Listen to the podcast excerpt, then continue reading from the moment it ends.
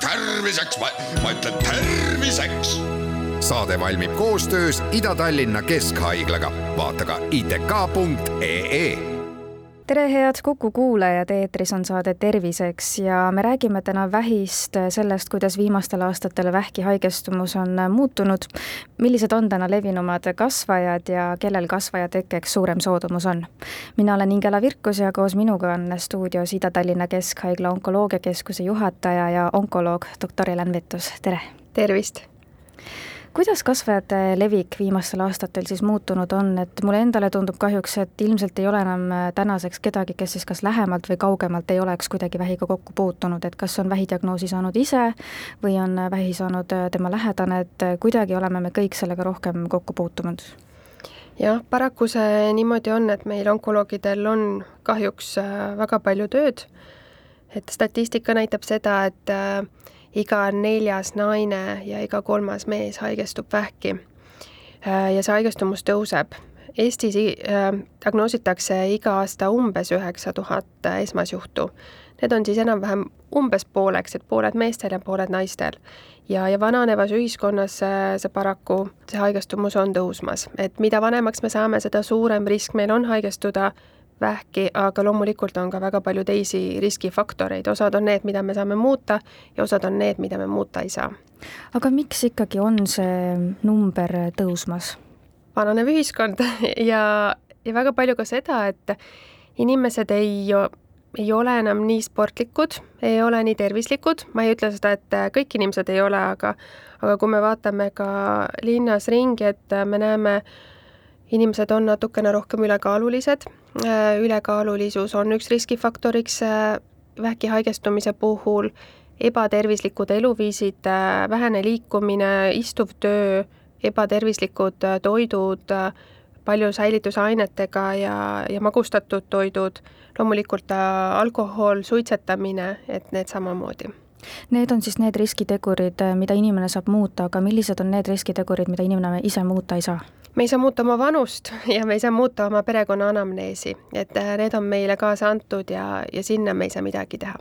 ehk et äh, vähk on väga palju ka ikkagi geneetiline, pärilik? Äh, päris pärilikku vähki on umbes viis kuni kümme protsenti juhtudest, mis tegelikult on päris väike hulk, aga geneetilised vähid on kõik, sest et geenis on muutused toimunud ja aga pärilikku vähki on, on vähe tegelikult. Millised on täna need levinumad kasvajad ja kuidas need võib-olla siis aastatega on muutunud, et on seal mingi muutus üldse toimunud? ja naiste puhul on kõige sagedasemaks äh, vähipaikmeks äh, rind ja see haigestumus tõuseb äh, ja, ja meestel, meestel siis eesnääre ja kops ja sool samamoodi haigestumus tõuseb, aga mida on hea meel öelda, on, et nende paljude paikmete puhul suremus väheneb. Seda õieti seetõttu, et inimesed jõuavad arsti juurde varemas staadiumis, ehk siis haigus on avastatud esimeses-teises staadiumis, kus me saame inimest täiesti terveks ravida, ja, ja teiseks ka see, et meil on väga palju uusi ravivõimalusi tulnud just süsteemravi osas, erinevad preparaadid, mitte ainult keemiaravi, mida võib-olla inimesed, inimesed teavad rohkem, aga immuunravi, mis on saanud ka Nobeli preemia siin paar aastat tagasi, sihtmärkravi et need on väga palju aidanud kaasa sellele, et meie patsiendid, palju patsiente on elus ja, ja just neljanda staadiumi patsiente, et me saame rääkida vähist täna kui kroonilisest haigusest. Ehk et ühest küljest äh, vähidiagnoose on äh, küll rohkem, aga teisalt äh, võib-olla see on selles mõttes hea, et avastatakse varakult rohkem vähiseisundeid jah, ma loodan, et ega meil lõplikku sellist statistikat ei ole, me teame, mis meil näiteks Eestis sõeluuringute järgi tuleb, siis me võime öelda, et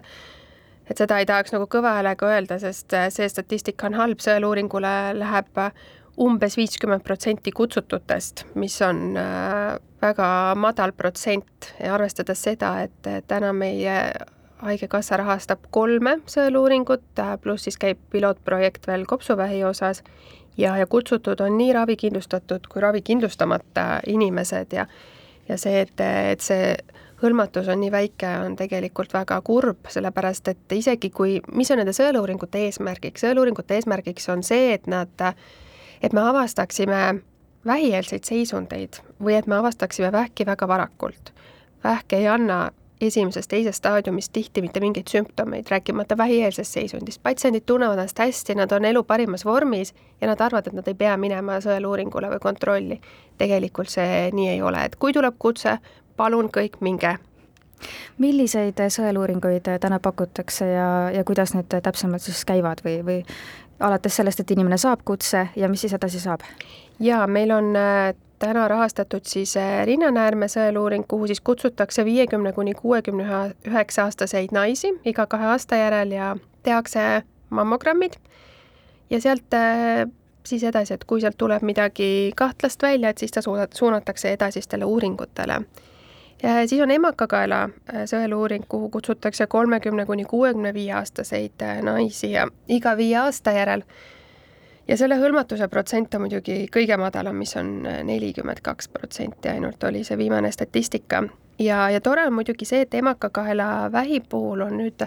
sellest aastast võimalik kasutada ka kodutestimist, et patsient saab kodus äh, võtta proovi ja saata selle siis äh, laborisse. et arvestades seda Covid pandeemiat, kui patsiendid ei julgenud minna arsti juurde ja ei saanudki minna arsti juurde, kogu maailmas on see nii,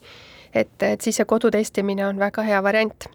ja, ja siis on kolmas on Jämesoole sõeluuring, kus siis äh, kuuekümne kuni kuuekümne üheksa aastaseid mehi ja naisi iga kahe aasta järel testitakse, et sa-, saadetakse siis peitvere analüüs, patsiendid saadavad siis selle.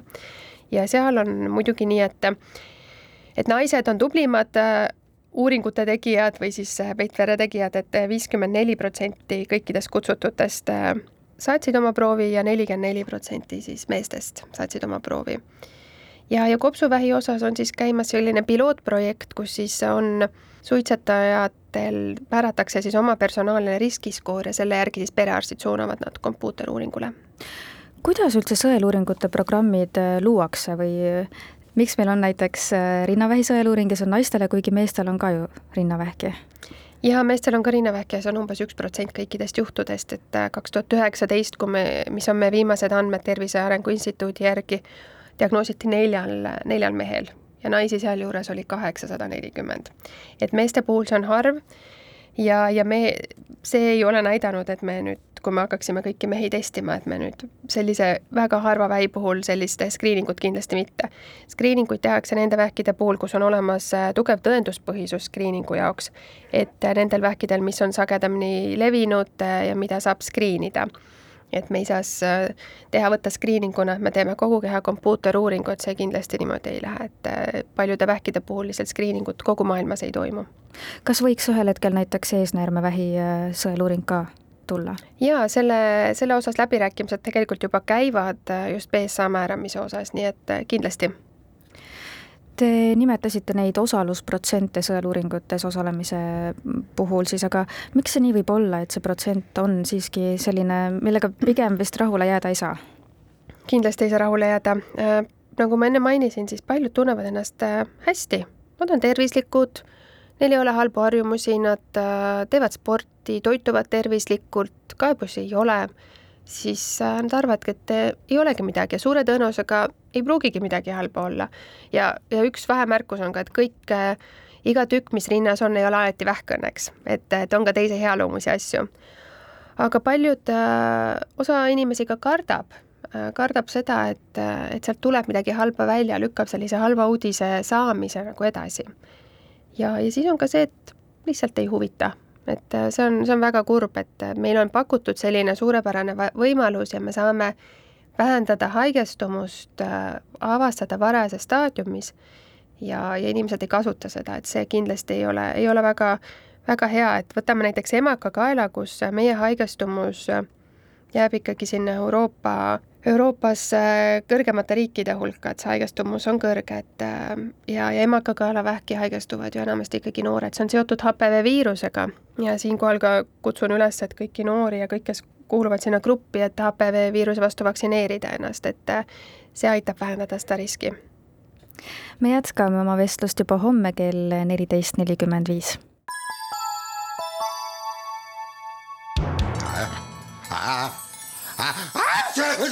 Terviseks, ma, ütlen terviseks. saade valmib koostöös Ida-Tallinna Keskhaiglaga, vaata ka itk.ee